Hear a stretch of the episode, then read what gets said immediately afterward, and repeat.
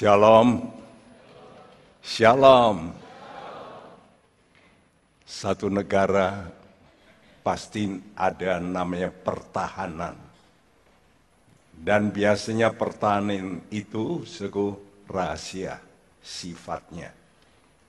Hanya orang-orang yang betul-betul loyal kepada negara, dia tahu. Ya, mungkin kenop-kenop untuk nembak jauh dan sebagainya, itu hanya orang-orang yang betul-betul loyal kepada negara, baru dia bisa mengerti. Nah, begitu juga dengan Tuhan. Tuhan itu tidak mau memberikan sembarangan kepada manusia rahasia-rahasia kerajaan sorga. Kenapa, Sku? Karena orang ini belum teruji. Jikalau dia nanti membalik dan menjadi murtad, bahkan mengikuti musuh, akan menjadi bahaya. Ya, karena itu Tuhan tidak memberikan suku rahasia kehidupan kepada orang-orang yang tidak mengasihi Tuhan. Nah minggu lalu kita belajar tentang ini. Bahwa dalam Tuhan itu ada hikmat yang bisa membuka rahasia. Ya. Saudaraku, ada hikmat Allah, ada hikmat dari manusia. Hikmat Allah akan berakhir kepada satu kerajaan yang luar biasa. Tapi hikmat manusia ujungnya itu maut kata Tuhan. Celaka. Karena itu jangan kita hanya menjadi orang yang pandai tapi kita tidak berhikmat dalam hikmat Tuhan. Nanti kita ujungnya itu akan yaitu celaka. Nah, minggu lalu juga diterangkan bahwa hikmat Allah itulah Kristus. Jadi Kristus itulah hikmat. Jadi kalau kita mau memperoleh hikmat harus melalui jalur ini. Karena itu Tuhan kata, akulah pintu. Jadi pintu masuk untuk masuk mengerti rahasia-rahasia Allah itu hanya bisa melalui Yesus. Ya, karena hikmat Allah itu hanya melalui Kristus. Hari ini kita akan berbicara, sku, milikilah roh takut akan Tuhan. Nah, kalau saudara tahu ujung-ujung dari perjuangan kita, iman kita harus mencapai ini, yaitu roh takut akan Tuhan. Kalau ini sudah punya, saya rasa Tuhan itu rasanya sudah mantap dengan hidup saudara. Ya. Karena orang yang takut akan Tuhan itu pasti menjauh dari berbuat dosa. Dosa berarti melawan kepada Tuhan. Jadi kalau kita lihat rahasia itu jatuh ke tangan lawan, wah itu bahaya. Karena itu kalau saudara mau diberi rahasia oleh Tuhan, saudara mesti mempunyai roh yang takut akan Tuhan. Roh inilah yang membuat saudara itu makin mengerti. Dan kalau saudara takut akan Tuhan, Saudara tidak takut dengan apa pun yang terjadi. Karena itu, saudaraku, Tuhan selalu berkata, jangan takut, jangan takut.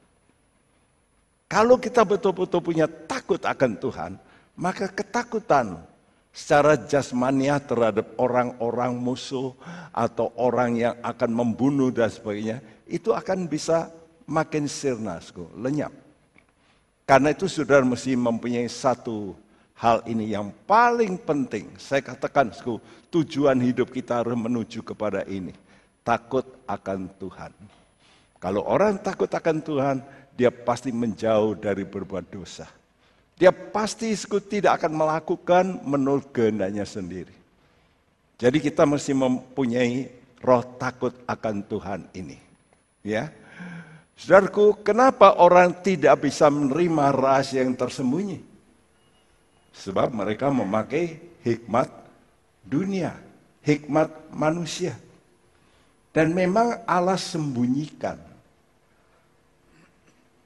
Dengan maksud, supaya saudara itu punya gairah terhadap Tuhan. Jadi tidak sekedar menjadi anak Tuhan sekedar menerima, tapi saudara mesti proaktif, merespons. Seperti orang mengasihi itu mesti merespons kasih itu. Ya, tidak hanya menerima kasih. Tapi dia juga belajar untuk mengasihi. Nah, untuk mengasihi ini, kita perlu mencari Tuhan, mengerti apa itu Tuhan.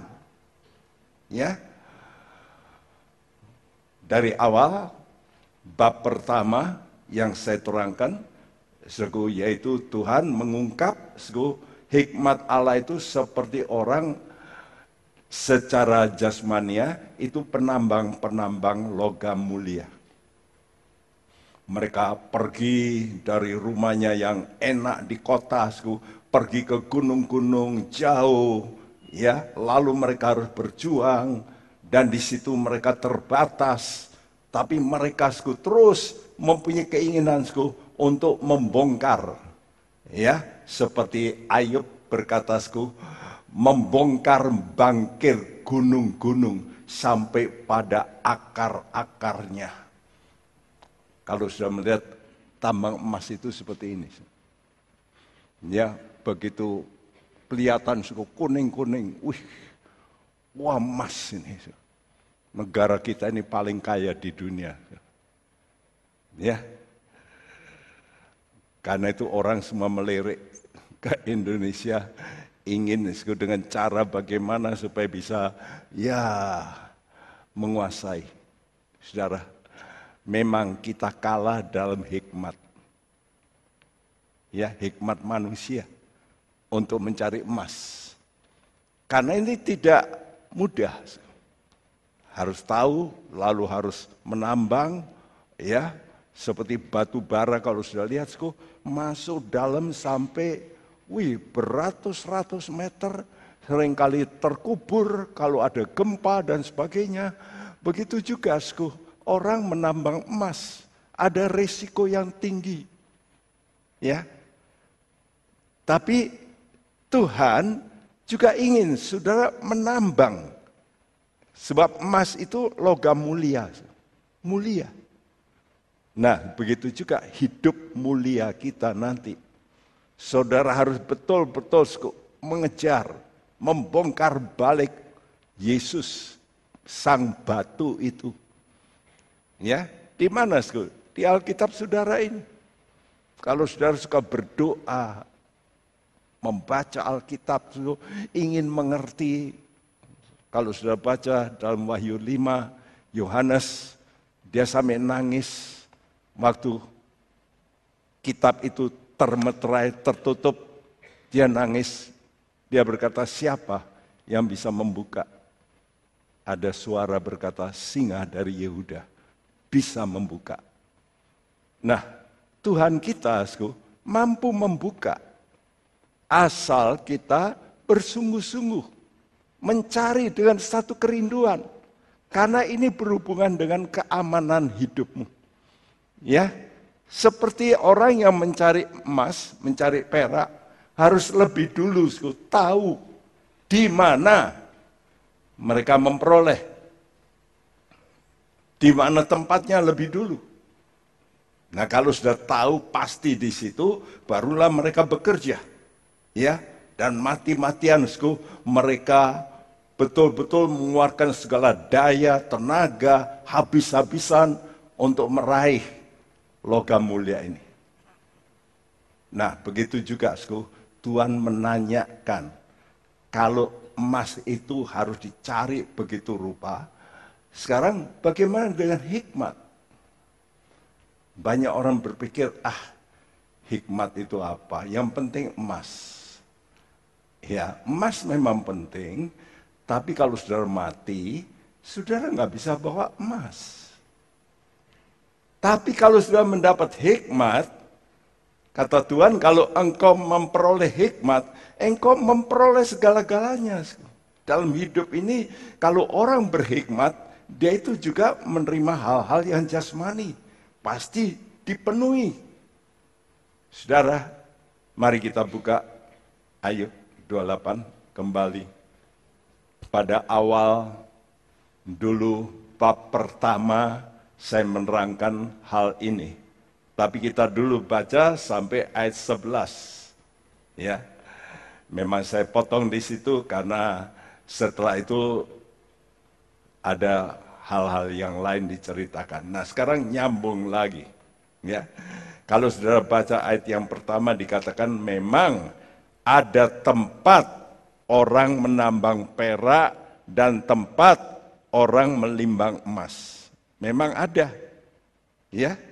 Dan untuk itu ayat 3 berkata batu itu diselidiki. Itu untuk mendapat emas dan perak. Ya.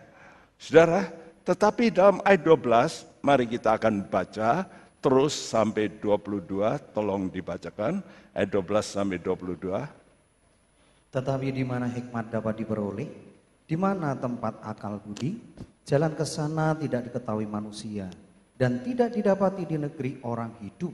Kata seramu samudra raya, ia tidak terdapat di dalamku, dan kata laut, ia tidak ada padaku.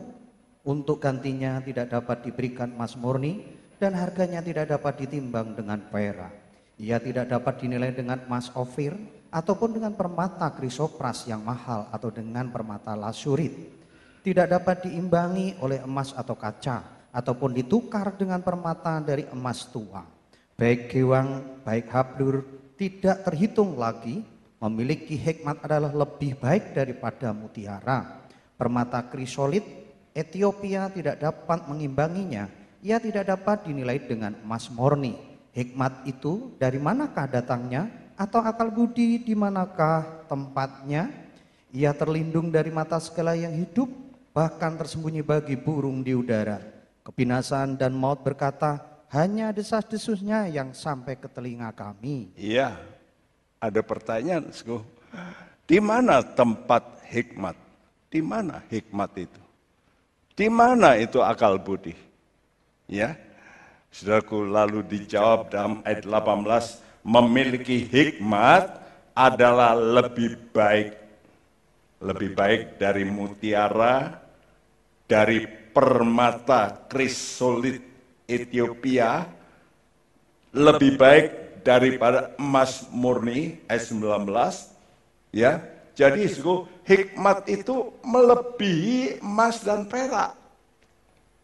Sayangnya anak-anak Tuhan itu kurang suka dengan hikmat. Sukanya dengan emas. Yang kelihatan. Ya. Saudaraku lihat orang-orang di dunia. Kadang-kadang menjual rumahnya untuk apa? Untuk sekolah. Supaya mendapat ilmu. Ya, dulu di belakang, rumah belakang so, dijual. Kenapa bisa kita beli? Dulunya tidak mau dijual. So. Tapi bertahun-tahun lalu dia butuh uang karena mau nyekolahkan anaknya yang mau masuk ke dokteran. Dan untuk masuk, maka waktu itu, saudaraku, ini orang biasa ya, harus bayar waktu itu dia butuh uang 200 juta. Nah dia dari mana? Nggak bisa. Dia terpaksa menjual rumahnya. Lalu kita beli. Coba kalau nggak ada peristiwa anaknya mau sekolah, ya tidak akan dijual. Jadi mau mengganti, hilang ini rumah. Tapi untuk mendapat hikmat dunia. Bayangkan, orang itu berani bayar harga begitu mahal untuk mendapat kepandaian. Sekarang kita mau diberi kepandaian rohani. Dan untuk ini kita juga harus berani bayar harga. Banyak anak Tuhan tidak berani bayar harga. Ya. Saudaraku, untuk memperoleh logam-logam mulia yang kelihatan dengan mata yang kasat mata, perlu hikmat, hikmat dunia. Ya. kenapa Indonesia ini harus gandeng dengan asing untuk ngebor ini, ngebor itu, ngebor minyak. Karena bangsa kita belum mampu. Belum mempunyai ilmu yang begitu hebat. Bahkan mutiara-mutiara di Indonesia itu ditambang oleh orang-orang Jepang.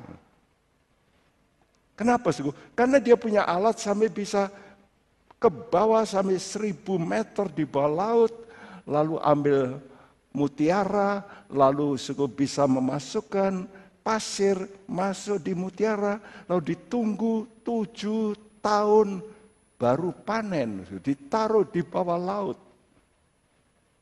Jadi selama itu suku keluar biaya terus. Setelah tujuh tahun baru panen. Nah, dan ilmu untuk bisa sampai ke bawah begitu, wah itu nggak gampang. Ya.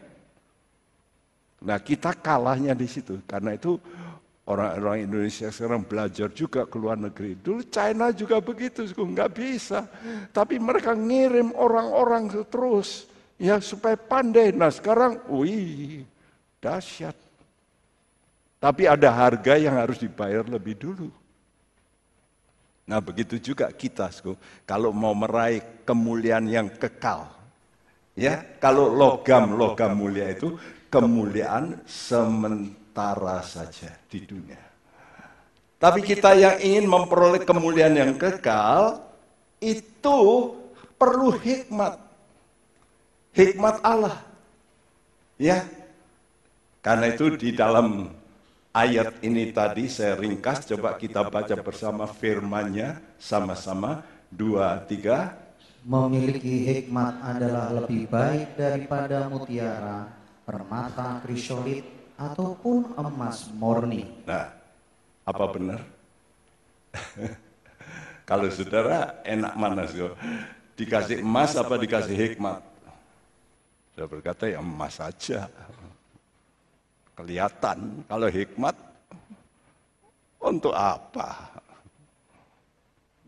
Tapi Tuhan berkata, hikmat itu lebih baik daripada mutiara, permata krisolit, daripada emas murni. Hikmat itu jauh lebih baik. Saya melihat di sini, seorang nabi, ya, namanya Elisa.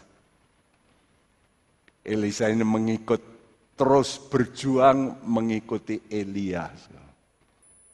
Dulu ini orang kaya ini. Kenapa? Karena membajak tanah dengan 12 pasang lembu. Enggak ada orang bajak tanah dengan 12 pasang lembu. Tapi Elisa melakukan itu. Jadi 24 lembu untuk membajak. Saudara pernah lihat?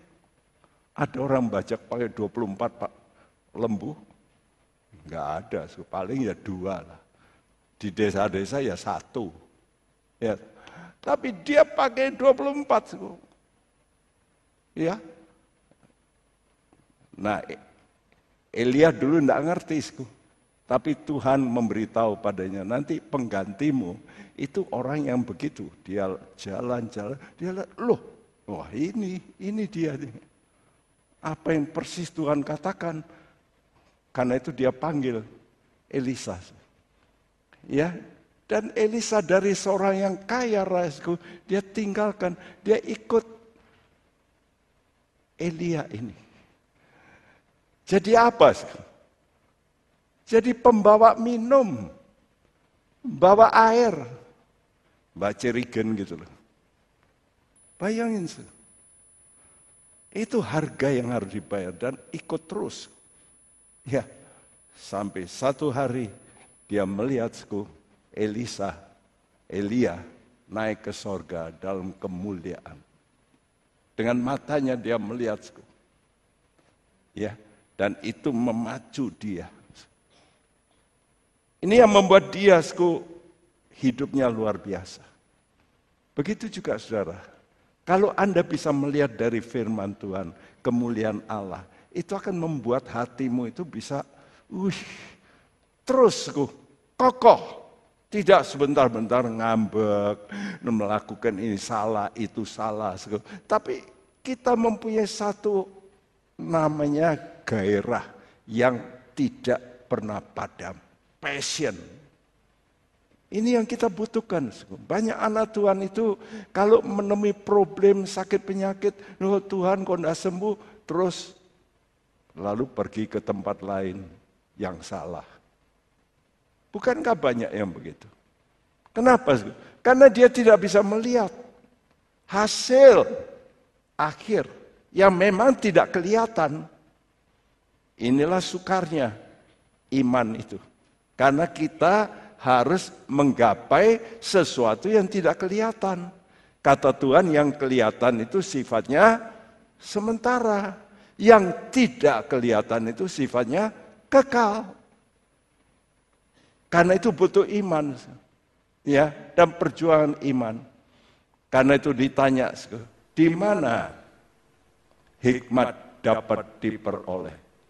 Jawabannya, mari kita baca ayat 23 sampai 28. Ini saya petik sebagian, cuma kita baca lebih baik.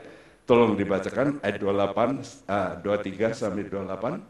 Baca. Allah mengetahui jalan ke sana, ia juga mengenal tempat kediamannya, karena ia memandang sampai ke ujung-ujung bumi dan melihat segala sesuatu yang ada di kolong langit.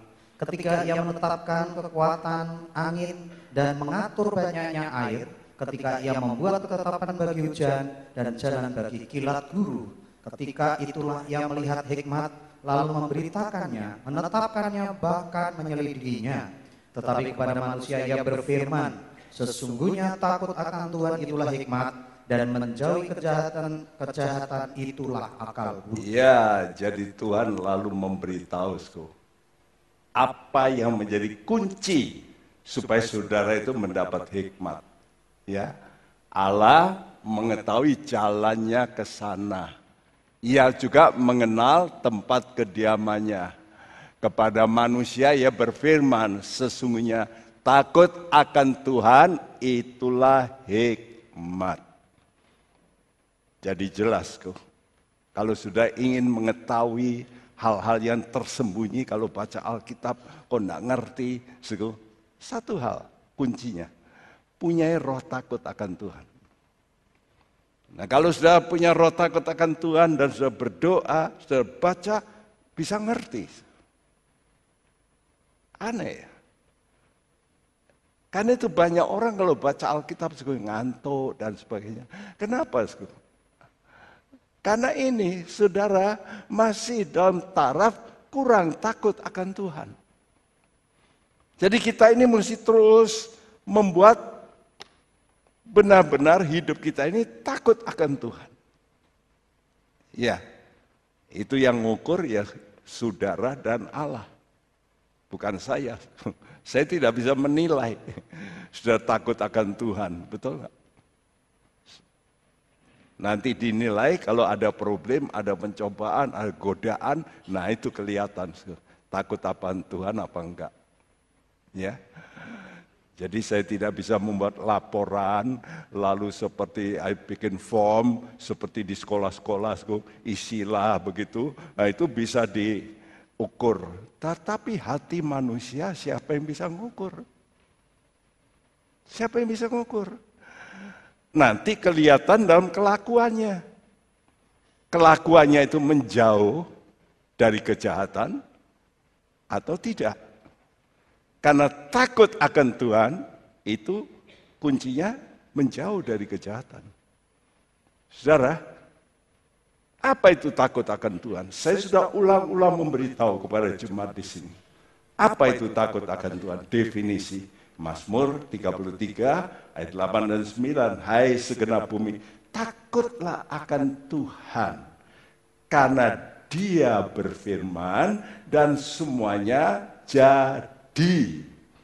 Ya, jadi takut akan Tuhan itu adalah percaya firman Tuhan itu pasti terjadi. Kalau begitu sudah pikir, oh gampang.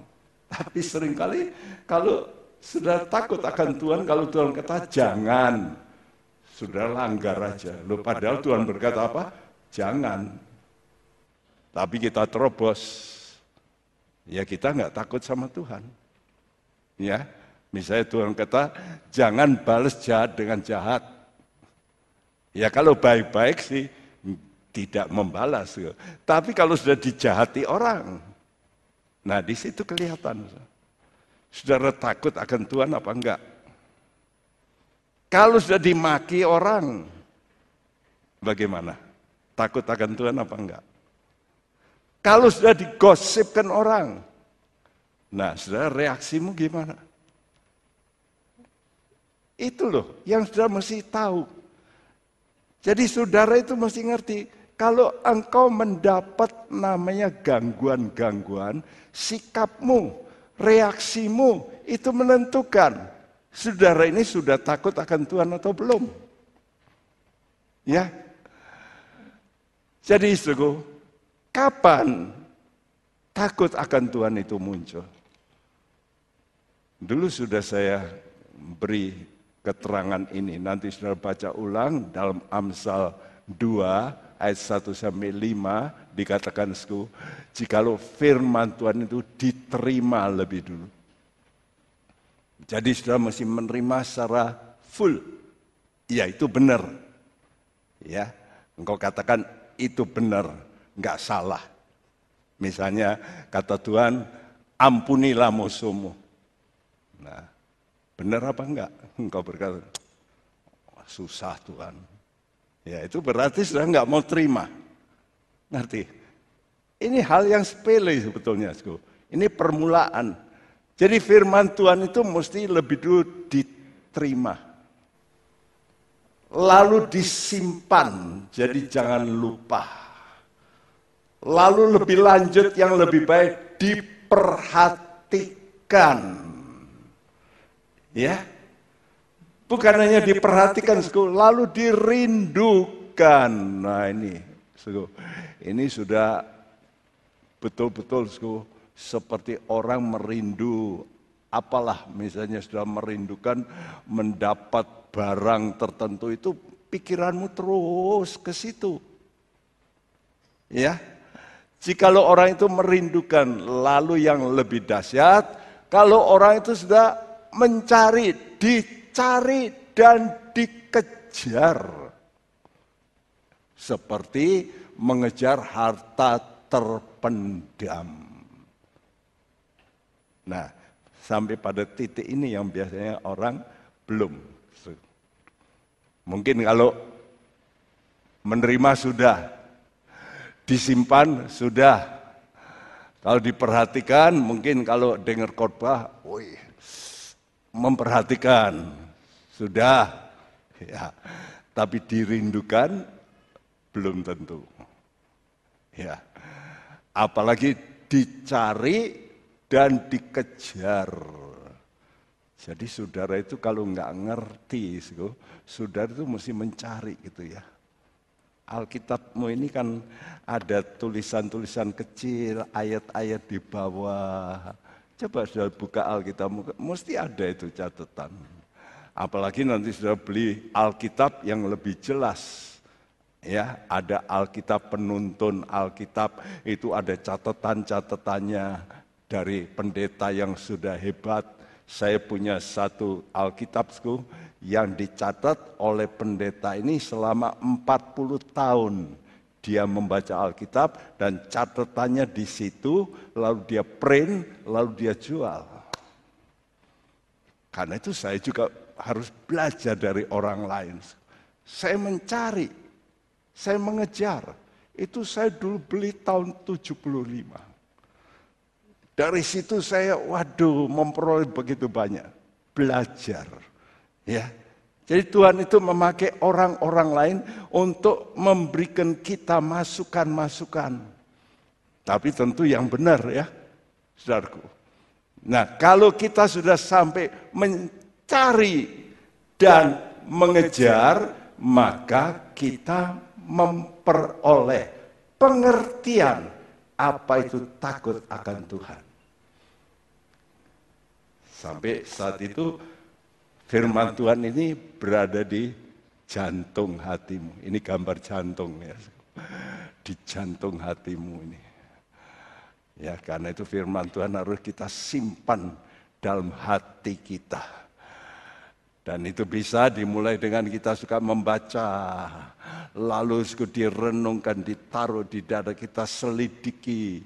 Begitu rupa ya, suku kita mohon pencerahan terang dari roh kudus. Supaya kita ini bisa memperoleh apa maksud Tuhan.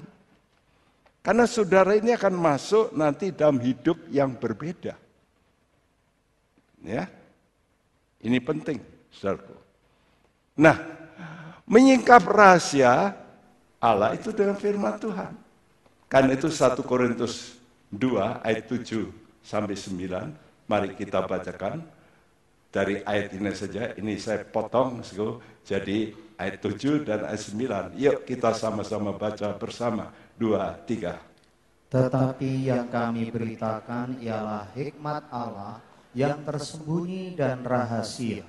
Tetapi seperti ada tertulis, apa yang tidak pernah dilihat oleh mata dan tidak pernah didengar oleh telinga dan yang tidak pernah timbul di dalam hati manusia, semua yang disediakan Allah untuk mereka yang mengasihi Dia. Iya, tetapi yang kami beritakan, ini Paulus berkata itu, kami beritakan akan hikmat Allah yang tersembunyi dan rahasia untuk orang-orang dunia itu. Mereka berkata, kenapa ya kita ke gereja, sembahyang, ngapain itu? Ya kadang-kadang kita lakukan ibadah, mereka orang Jawa bilang gumun. Ngapain itu? Ngapain ngabisin waktu? Ya. Ini perlu hikmat.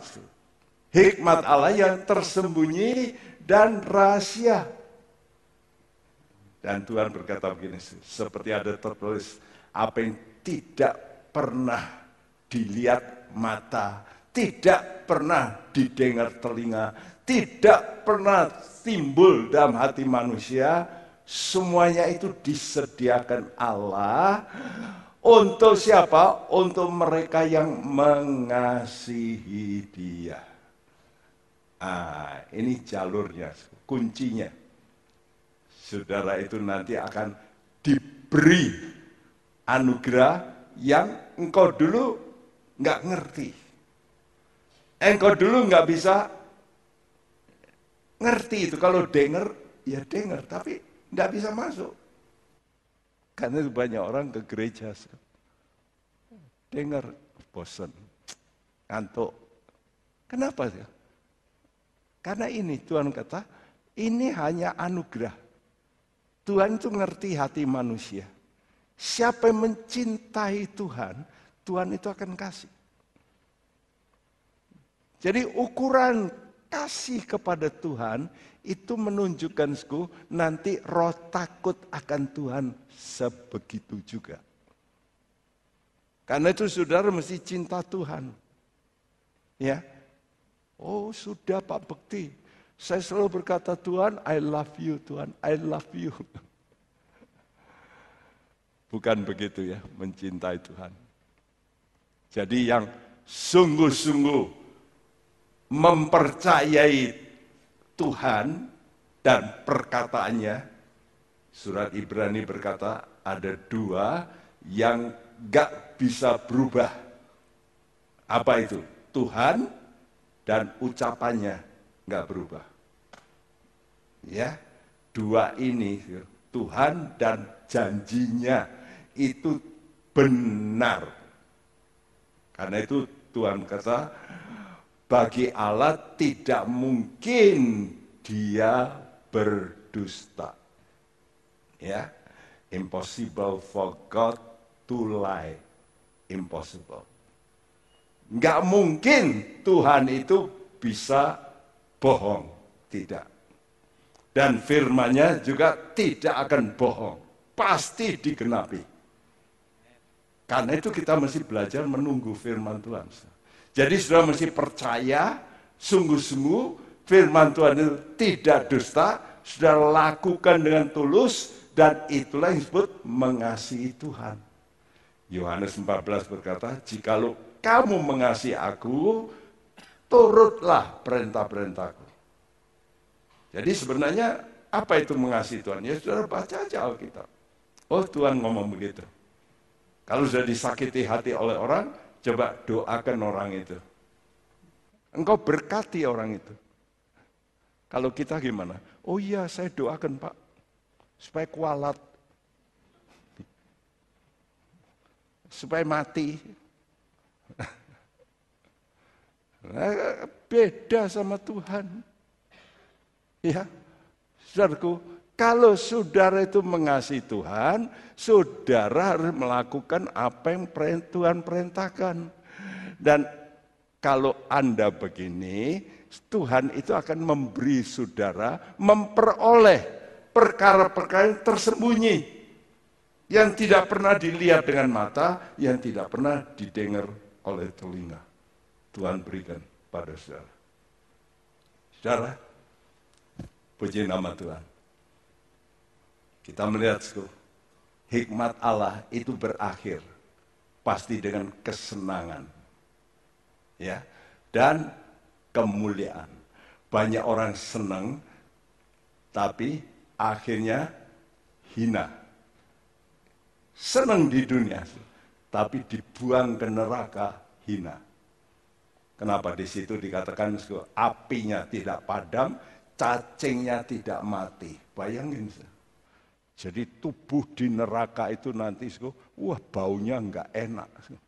Wah mayat ya. Saudara suka mayat? Pasti enggak senang. Nanti orang di neraka itu baunya, waduh, bau aja bisa pusing. Ya tak? Nah, neraka seperti itu. Ya. Karena itu banyak orang sekarang senang, tapi berakhir dengan kehinaan. Tapi kalau ikut Tuhan dengan benar, berakhir dengan senang dan kemuliaan. Saudara, kalau sekarang secara jasmani, saudara itu paling senang apa? Coba saya tanya.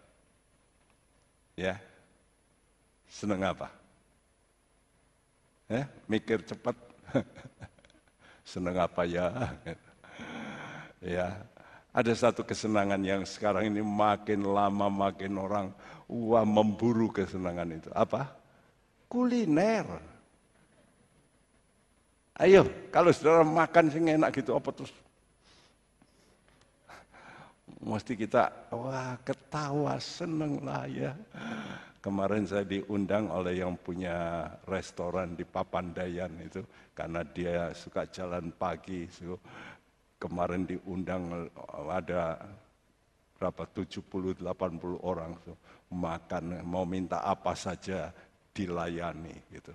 Dan semua ketawa seneng ya. Kenapa sih? Makan. ya, makan masih ketawa. Ya, Nah, sebelum kita mengenal Tuhan, so, kematian itu dianggap akhir dari segala-galanya. Habislah riwayat kita. Karena itu disebut apa? Tamat riwayatnya. Benar? Kalau sebut tamat riwayat itu apa? mati. Tapi enggak loh, su. Riwayat kita itu enggak tamat dengan kematian. Salah. Ya, Apalagi saudara yang sudah menghimpunkan harta begitu banyak, so, lalu so, mati, waduh takut, so. waduh ya apa ini? Aku sudah berjuang, lalu dapatnya sudah banyak, lalu kena sakit yang wih mematikan, wih takutnya bukan main. Ya, saudaraku, beda ya dengan orang percaya yang walaupun menghadapi kematian, tapi mengenal rahasia kematian. Nah seperti kata Paulus dalam Filipi 1 ayat 21. Yuk kita baca ayat ini dalam tanda kutip 2, 3. Karena bagiku hidup adalah Kristus dan mati adalah keuntungan. Iya, mati apa? Halo? Mati apa? Mau mati. Saya dulu sakit, so, waktu sakit jantung hebat. So. Wah, selama setahun saya terus terganggu oleh sakit jantung itu. Waktu kena itu saya berkata, Tuhan apakah memang Tuhan mau cabut nyawa saya hari ini? Kalau iya, saya rela, saya siap. Tapi kalau Tuhan mau pakai saya, lanjutkan umur saya. Dan Tuhan lanjutkan. Padahal sekuat jantung saya sudah koklok, betul. Saya dengar sendiri itu sampai klok, klok, klok, klok, klok, ker, klok, klok, klok, klok, ker. Selama setahun saya menderita. Itu sebelum menikah. Ya, basah kuyup tiap kali. Pernah naik bis sampai secang, yo, lalu wih basah kuyup. Saya balik ke Semarang. Iya, saudara. Dan saya waktu itu, ya, nggak ada siapa-siapa. Saya cuma menjerit sama Tuhan. Kalau Tuhan mau sembuhkan saya, sembuhkan. Saya cuma sekali ke dokter. Ya, dan banyak berlutut di kaki Tuhan. Ya, ujung-ujungnya orang di sini, betul. Mati. Siap, sudah siap mati. Anda semua nanti ke sini nih. Ya, tapi lain dengan orang yang percaya Yesus. For me, ya, yeah, for to me, to live is Christ, and to die is gain. Mati itu keuntungan. Kenapa? Karena mati itu melungsungi. Ya, jadi isinya itu sekarang nyata. Ya, mati itu cangkangnya habis, tapi isinya kelihatan. Wah itu untung. Kalau sudah makan kacang apa? Dimplok semuanya. Kan mesti dikupas. Nah itu. Jadi isinya orang itu itulah yang kekal. Ya. Nah, ketahui manusia itu dicipta memiliki tubuh jasmani dari tanah ya. Tapi juga tubuh rohani. Kenapa? Karena dihembus oleh nafasnya Tuhan sendiri. Jadi kita ini ada roh roh yang hidup ya dari du, dua bagian manusia itu jasmani rohani. Karena itu membutuhkan hal jasmani dan membutuhkan hal rohani. Ya khususnya untuk hidup itu perlu makan. Lihat ini kalau makan begini ada yang nangis ini? Ya Saudara, kalau orang makan, wah, apalagi enak gitu, waduh. Wah, ketawa ya, semua. Nah, saudara, ini makanan jasmani, ini makanan rohani. Jadi saudara mesti juga makan rohani, supaya rohmu itu kuat, spiritmu kuat. Karena firman Tuhan itu roh adanya, kekuatan, batin, ya Nah, sebagai bapak yang mengasihi anak-anaknya, Tuhan itu mempersiapkan hal jasmani. Karena itu sebelum manusia dibuat, Tuhan ciptakan bumi, lalu ada apanya? Ada pohon, ada binatang, ada ikan dan sebagainya.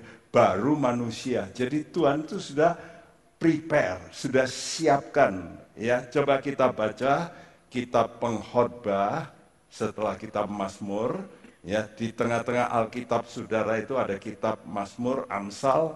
Nah, setelah Amsal itu ada kitab Pengkhotbah pasal 3 ayat 12 sampai ke 14. Tolong dibacakan. Aku tahu bahwa untuk mereka tak ada yang lebih baik daripada bersuka-suka dan menikmati kesenangan dalam hidup mereka dan bahwa setiap orang dapat makan, minum, dan menikmati kesenangan dalam segala jerih payahnya, itu juga adalah pemberian Allah. Aku tahu bahwa segala sesuatu yang dilakukan Allah akan tetap ada untuk selamanya. Itu tak dapat ditambah dan tak dapat dikurangi. Allah berbuat demikian supaya manusia takut akan dia. Iya, saudaraku, bahwa setiap orang ini bisa bersuka-suka. Apa yang lebih baik dalam ayat 12 dikatakan, tak ada yang lebih baik daripada bersuka-suka dan menikmati kesenangan dalam hidup. Saudaraku, sekarang banyak orang itu kerja, dapat duit. Setelah dapat duit, kok tidak nikmati. Kenapa? Kok? Karena sakit-sakitan, tidak boleh makan ini, tidak boleh makan itu, tidak boleh makan ini. Saya sekarang makan apa saja boleh. Asin ya boleh, manis ya boleh. Saya enggak, oh no, enggak, enggak, enggak. Iya, enggak, semua boleh. Tapi saya enggak mau berlebih. Gitu. Jadi saya nikmati. Jadi banyak orang usaha-usaha, lalu setelah punya duit, duitnya untuk ke mana? Untuk ke dokter, untuk ke rumah sakit. Tidak bisa menikmati, rugi. Ya, jadi makan itu sebetulnya menikmati. Karena itu saudara, kalau makan itu kan nikmat, ya saudaraku. Ya. Dan ayat 13, bahwa setiap orang dapat makan, minum, dan menikmati kesenangan dalam segala jeripayanya. Itu juga pemberian Allah. Jadi sebetulnya makan minum itu enggak salah. Ini pemberian Allah ini. Ya, makan, minum dan menikmati kesenangan dalam segala jeripayanya itu juga adalah pemberian Allah. Lihat, binatang-binatang seperti ini aja kalau makan lihat ya. Senang kelihatannya ya. Apalagi ini anjing. Saya kelihatan ketawa gitu ya. Enggak, enggak meringis, enggak nangis. Ya, senang sekali makan. Ya. Nah itu menikmati. Karena itu kalau saudara masih bisa menikmati makanan, itu wah enak ya. Tapi kalau sudah sakit, kena baunya aja, mau tumpah. Nggak bisa menikmati, betul? Itu kalau orang sakit. Nah, kesenangan jasmani ini juga diberi catatan oleh firmannya seperti ini. Aku tahu, ini perhatikan ayat 14. Aku tahu bahwa segala sesuatu yang dilakukan Allah akan tetap ada untuk selamanya. Jadi makan minum itu tetap Halo? Makan minum itu tetap ada apa enggak? Ada. Hah? Nanti setelah mati? Ada. Hah? Setelah mati tetap ada enggak? Ada. Loh, ini kabar baik ya. Karena itu sekarang jangan wah, wah, pompong hidup. Loh, nanti ada hidup lagi, sku. Ya, jadi jangan sekarang sudah itu makan digenjot gitu. Mumpung enak. Nanti kalau mati nggak bisa makan lagi. Siapa bilang setelah mati kita masih makan lagi. Halo, ini kabar baik ini. Loh kok bener apa ora ini? Nggak percaya, saudara. Saya tulis ya, model kesenangan jasmani semacam ini, makan minum, tidak akan berakhir dengan kematian tubuh jasmani. Nah ini rahasia buat kita, betul? Apa iya toh? Iya, saya bilang. Ini karena saya menyelidiki Alkitab, ya toh. Saya berani berkata, pasti iya. Ya. Buktinya apa Pak Bukti? Ah, buktinya begini ya. Sebab bagi orang benar, Allah itu membangkitkan kita dengan tubuh kemuliaan nanti. Yang masih dapat menikmati makanan, minuman, Nah, kesenangan demikian ini dalam alam kekal dengan tubuh yang kekal ini masih bisa berlanjut. Dulu Tuhan Yesus itu suka makan bersama. Sehingga dia berkata, orang-orang kata, ah makan kok sama orang berdosa. Kritik-kritiknya orang Farisi. Ya, tapi mereka sendiri juga suka makan. Cuma melihat Tuhan Yesus makan-makan, maka kata, wah kok Tuhan Yesus makan-makan sama orang-orang berdosa. Ya, tapi Tuhan makan dengan orang berdosa supaya mengubah orang berdosa itu. Ya, dan nanti ini di dunia Tuhan Yesus makan. Nanti Tuhan juga akan mengundang kita, ya. Those invited to partake of the marriage supper of the Lamb. Jadi kita ini nanti akan diundang untuk dinner dinner bersama dengan Tuhan dalam pesta pernikahan anak domba Allah. Wih, luar biasa. Buktinya apa? Buktinya waktu Yesus bangkit. Ya, murid-muridnya tidak ngerti bahwa itu Yesus. Ya, Tuhan Yesus teriak kepada mereka, eh, kamu sudah, kamu Dapat ikan enggak? Enggak. Lemparkan jalamu di sebelah kanan.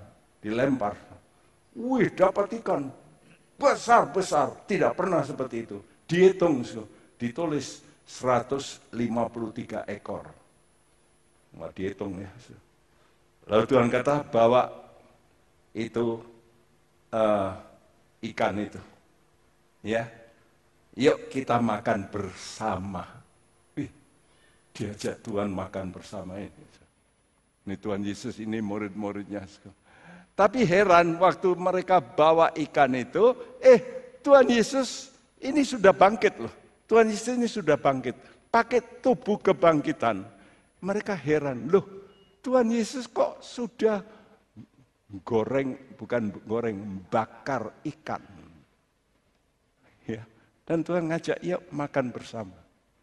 Jadi mereka lihat Tuhan Yesus pakai tubuh kebangkitan, makan juga. Ini fakta. Ya, bahkan Tuhan juga bernubuat. Dalam Lukas 22 ayat 28 sampai 30, yuk kita baca bersama. Semua membacakan dua, tiga. Kamulah yang tetap tinggal bersama-sama dengan aku dalam segala pencobaan yang aku alami. Dan aku menentukan hak-hak kerajaan bagi kamu, sama seperti Bapakku menentukannya bagiku, bahwa kamu akan makan dan minum semeja dengan aku di dalam kerajaanku, dan kamu akan duduk di atas tahta untuk menghakimi kedua belas suku Israel. Ya, kamu akan apa? Makan, minum semeja dengan aku. Wih, jadi nanti kita akan makan, minum semeja dengan Tuhan. Wih, ya Tuhan bikin satu pesta yang paling besar. Enggak pernah pesta seperti ini ya. Karena ini semua orang yang masuk surga Tuhan adakan. Ayo kita pesta sekarang. Ya, dari mana datangnya?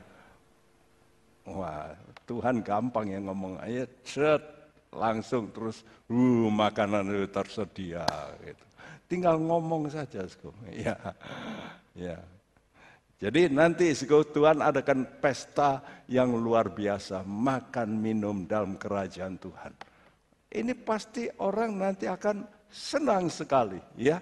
Jadi puji Tuhan, sko. Dalam kerajaan Tuhan yang akan datang, orang-orang benar yang telah dibangkitkan dengan tubuh kemuliaan masih dapat menikmati kesenangan makan minum bersama dengan Tuhan. Dan ini satu misteri yang dulunya kita tidak Loh, nah sudah mati itu ya habis riwayat. Enggak, masih ada kelanjutan. Kelanjutan apa? Pesta. Pesta yang membuat pesta Tuhan luar biasa. Ya, tahun lalu ada pesta besar di desa mana itu. Orang Surabaya yang punya uang begitu banyak. Pestanya di tengah itu apa hutan begitu ya, uh, padang rumput gitu. Dibikin untuk sementara saja. Hadiahnya Pajero. Iya, jadi orang semua nunggu ya. Enggak pulang pasti. Iya tuh. Hadiahnya, wih, Pajero. Bayangin beberapa mobil Waduh, itu pesta mungkin bagi orang orang uh, swasta itu paling besar tahun lalu itu. Luar biasa. Nah, kalau orang kaya saja bikin, bikin pesta begitu, apalagi Tuhan nanti. Tuhan akan bikin pesta yang luar biasa. Pesta anak domba Allah. Dan ini satu misteri yang kita sekarang harus karena itu sekarang kalau makan-makan gitu, ah ini makanan biasa lah. Nanti ngincipi yang nanti aja gitu. Yang lebih hebat. Karena itu sekarang jangan makannya terlalu banyak gitu ya. Nanti di sana, nah kalau makannya terlalu banyak di sini saudara nanti banyak sakit, betul enggak? Nanti nggak bisa nikmati di sana kalau sudah ngamuk dan sebagainya, berdosa karena makan di sini, lalu sakit, lalu sudah berdosa, nggak bisa menikmati kemudian. Jadi, cerita di dunia ini nggak akan berakhir. Apa yang Tuhan itu ngerti, manusia itu suka makan. Ya, siapa yang nggak suka makan? ya, tapi Tuhan sediakan yang jauh lebih baik untuk Anda. Makanan yang akan memberikan saudara kekuatan yang luar biasa. Jadi nanti kita di sorga, tetap memuji-muji Tuhan, tetap berglori, tetap berpesta luar biasa. Tuhan itu dahsyat. Karena itu marilah kita sekarang mesti takut akan Tuhan lebih dulu. Supaya saudara ini bisa siap nanti ya untuk bisa masuk dalam hari yang paling besar yaitu pesta anak domba Allah. Kita bisa masuk di situ. Jangan menjadi gadis-gadis yang bodoh seperti yang ditulis Alkitab. Mereka terlambat, lalu pintu tertutup. Pesta jalan, mereka nggak bisa masuk. Mereka ketok-ketok, mereka berkata buka pintu. Kata suara dalam dalam, sorry, tertutup, pintu sudah tertutup. Mari kita menjadi anak Tuhan yang sekarang setia, mengikut Tuhan, dan belajar. Coba punya gairah untuk ngerti firman Tuhan. Karena itu saudara rajinlah di PA ini. Dan bukan hanya di PA, nanti di rumah dibaca ulang. Supaya saudara itu bisa makin dalam mengerti, hatimu itu makin bisa berpaut dengan yang akan datang. Amin. Puji nama Tuhan, biar ini mendorong kepada saudaraku untuk yang namanya mengalami pesta sorgawi dengan tubuh sorgawi. Makanannya roti sorga. Ya, kata Tuhan, akulah roti dari sorga. Sebab karena itu persiapkan sekarang. Ya, dengan apa? Dengan saudara menjadi manusia yang sorgawi. Dengan apa? Dengan roti sorga. Matius 4 ayat 4 bersama-sama kita bacakan. Dua, tiga. Tetapi Yesus menjawab, ada tertulis manusia hidup bukan dari roti saja, tetapi dari setiap firman yang keluar dari mulut Allah. Iya. Pengkhotbah 3 ayat 14. Aku tahu bahwa segala sesuatu yang dilakukan Allah akan tetap ada untuk selamanya. Itu tak dapat ditambah dan tak dapat dikurangi. Allah berbuat demikian supaya manusia takut akan dia. Ya jadi tujuan Tuhan akan membuat hal-hal ini supaya saudara takut akan Tuhan.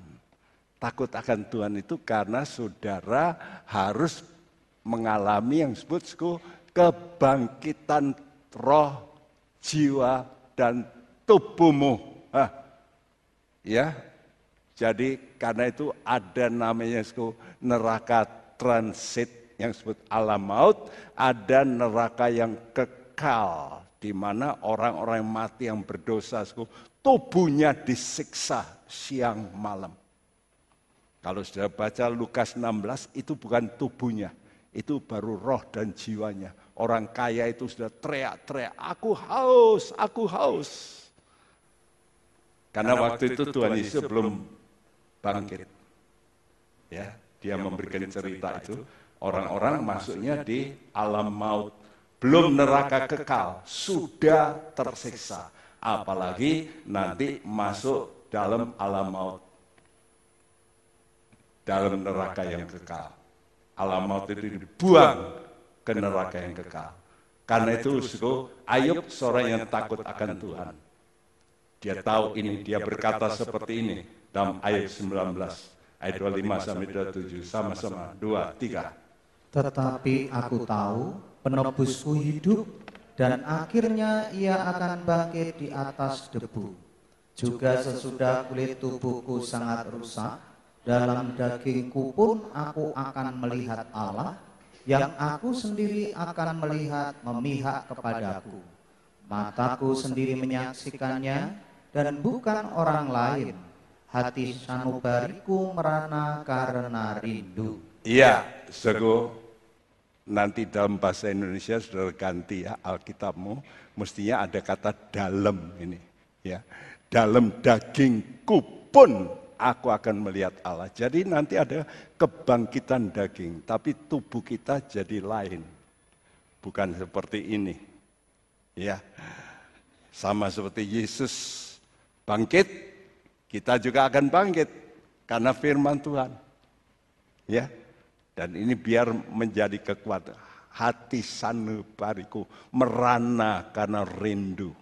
Rindu akan kebangkitan. Nah, Kebangkitan dengan tubuh kemuliaan ini adalah harapan puncak bagi orang yang percaya Tuhan. Ya, termasuk gereja. Seperti yang dikatakan dalam 1 Korintus 2 ayat 7. Sama-sama kita baca 2 3 Tetapi yang kami beritakan ialah hikmat Allah yang tersembunyi dan rahasia yang sebelum dunia dijadikan telah disediakan Allah bagi kemuliaan kita. Jadi Tuhan itu sudah sediakan bagi kemuliaan kita. Wah, luar biasa. Ya, sego karena itu sego setialah ikut Tuhan. Ini yang paling puncak nanti. Kita ketemu Tuhan, bertemu dan kita wah sukacita yang tidak terkatakan kata Tuhan. Sukacita yang abadi. Puji nama Tuhan. Mari kita berkata Tuhan, Engkau luar biasa. Bapak yang luar biasa bagi kami.